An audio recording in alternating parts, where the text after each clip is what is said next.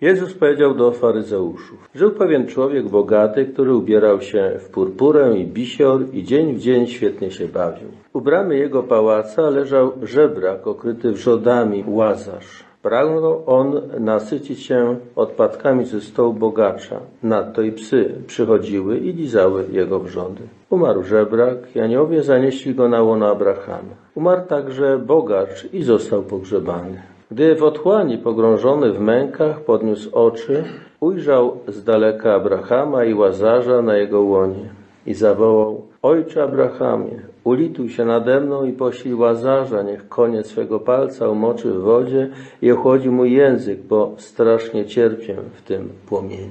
Lecz Abraham odrzekł, wspomnij synu, że za życia otrzymałeś swoje dobra, a Łazarz przeciwnie niedolę. Teraz on tu doznaje pociechy, a ty męki cierpisz. A prócz tego między nami a wami zionie ogromna przepaść, także nikt, choćby chciał stąd do was przejść, nie może, ani stamtąd do nas nikt się przedostać. Tamten rzekł, proszę cię więc, ojcze, poślij go do domu mojego ojca. Mam bowiem pięciu braci, niech ich przestrzeże, żeby i oni nie przyszli na to miejsce męki. Lecz Abraham odparł, mają Mojżesza i proroków, niechże ich słuchają. Nie ojcze Abrahamie, odrzekł tamten, lecz gdyby kto z umarłych poszedł do nich, to się nawrócą. Odpowiedział mu, jeśli Mojżesza i proroków nie słuchają, to choćby kto z umarłych powstał, nie uwierzą. Klasycznie ta przypowiedź jest u nas w Kościele interpretowana od strony tak, jest bogaty, który jest do tego jeszcze sam się dobrze bawi, ale jest skąpy, jest ubogi, który pragnie się nasycić właśnie odpadkami ze stołu i nikt mu ich nie daje, czyli ten bogaty nie ma w sobie miłosierdzia, dobroci wobec tego ubogiego i dlatego, że nie ma miłosierdzia, jest pogrążony potem w piekle. Ale nie o to chodzi w tej przypowieści. To nie o to chodzi. Kluczem do niej jest to, co tutaj Pan Jezus w usta Abrahama. Wspomnij, synu, że za życia otrzymałeś swoje dobra. Problem tej przypowieści to jest problem nadziei. W czym pokładamy praktycznie, realnie nadzieję? Ten bogaty człowiek był zafascynowany, zauroczony tym, tym swoim bogactwem, cieszył się nim i nie widział przyszłości, nie widział tego, że kiedyś umrze i, i trzeba pomyśleć o o spotkaniu z Bogiem. To życie dla niego tu na ziemi było tym prawdziwym życiem, trzeba je było wykorzystać, nim się cieszyć, bawić, bez tej perspektywy na przyszłość. Zupełnie podobnie Pan Jezus mówi w kontekście tego człowieka, co się modli na, na rynku i mówi i, i modli się wobec wszystkich. Ten już otrzymał swoją nagrodę. Uzyskał pochwałę od ludzi, zachwyt ludzi, jaki on jest pobożny, bo się modli, wszędzie się modli. Dostał swoją nagrodę. Do Pana Boga ta modlitwa nie odciera, bo chodziło mu o to, żeby dostać poklask. Tutaj na ziemi. Czyli próżna chwała, pycha tego żywota. Mówili o tych namiętnościach. I tu jest podobnie. Ten człowiek zobaczył swoje, swoje życie tylko w perspektywie doczesności. A ta doczesność jest już tak skonstruowana, że przemija postać tego świata i wszystko, co na świecie się kończy. Wszystko, kompletnie wszystko się przemienia. I życie ludzkie się kończy i trzeba mieć zupełnie inną perspektywę i mieć zupełnie inną nadzieję. Nadzieję ostateczną.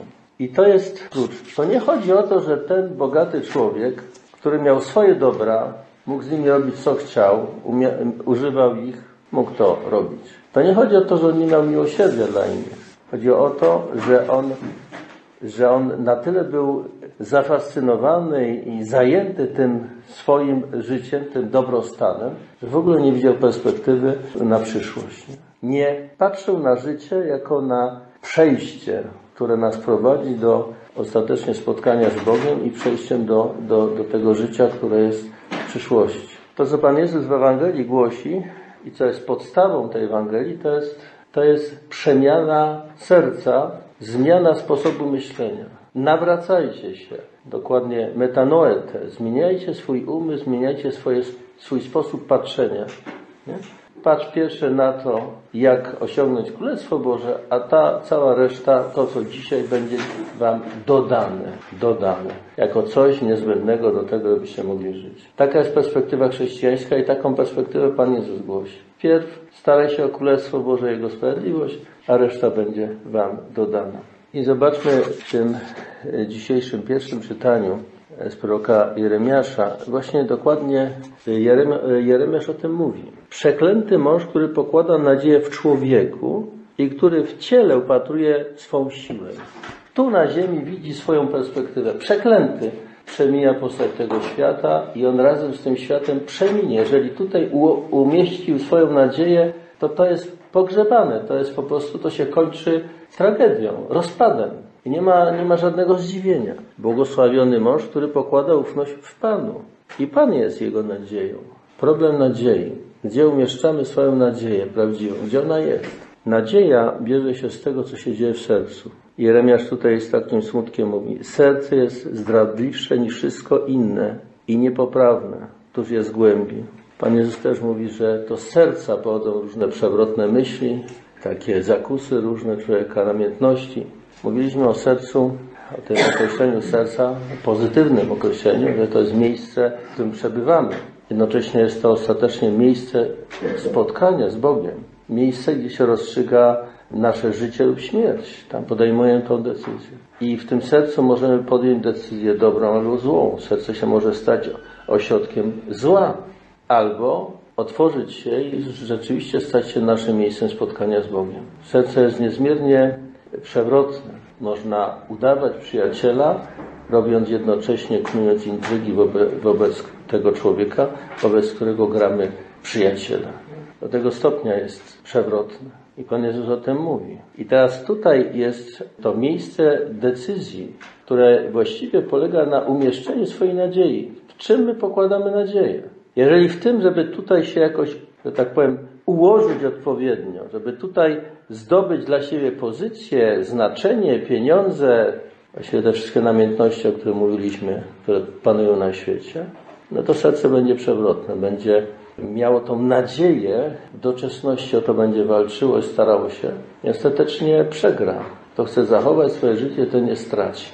To traci swoje życie z powodu mniej Ewangelii, to postawi tą nadzieję na, na, na, na prawdę, na Chrystusa, doświadczy prześladowania, bo to Pan Jezus bardzo wyraźnie zapowiada, doświadczy prześladowania, ale ostatecznie doświadczy potem udziału w życiu wiecznym, w zmartwychwstaniu Chrystusa. Jest problem umieszczenia nadziei.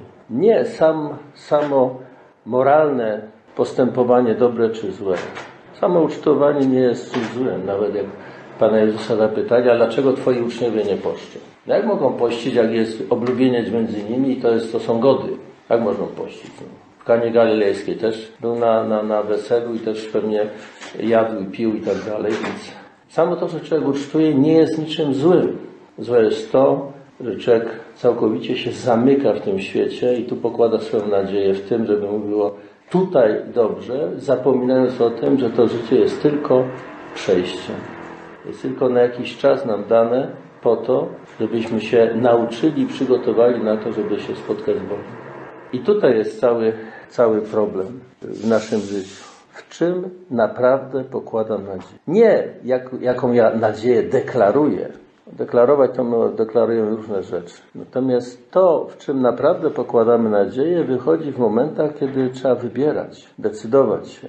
To w praktyce życia okazuje się ostatecznie, co my naprawdę wybieramy. Kiedy spowiadam i, pytam się ludzi o modlitwę, czy się modlić, no, no wie no nie ma czasu. Co to znaczy? Ale wierzący jest, oczywiście. Pan Bóg jest najważniejszy. Oczywiście jest najważniejszy. Ale nie ma czasu. Zawracanie głowy się pokazuje, że ta istotna nadzieja to nie jest Panu Bogu. Żeby jakoś było tutaj na ziemi, żeby jakoś się nazywało. A tak na wszelki wypadek trzeba wierzyć, że jakąś taką asekurację na, na przyszłość, albo ewentualnie co by ludzie powiedzieli, gdyby był niewierzący na przykład. Takie motywy. Ale to wszystko jest z tego świata i tylko dotyczy tego życia, nic więcej. Najważniejsze jest to, co, do, to, co włożę do garka, natomiast Pan Bóg właściwie to tak dodatek nadzwyczajny do życia. Ale to wtedy znaczy, że My nie pokładamy nadziei w Panu Bogu. Pokładamy na, nadzieję w tym, co włożymy do karka, a nie w Panu Bogu. No i efekt jest potem taki jak z tym Łazarzem. Oby w naszym życiu było inaczej. Ten okres Wielkiego Postu jest czasem takiej refleksji. I trzeba sobie w tym czasie zadać pytanie, w czym ja rzeczywiście pokładam nadzieję? Jaka jest moja prawdziwa, autentyczna nadzieja? Co rozstrzyga o moich wyborach na co dzień, tych wyborach także e, takich zasadniczych?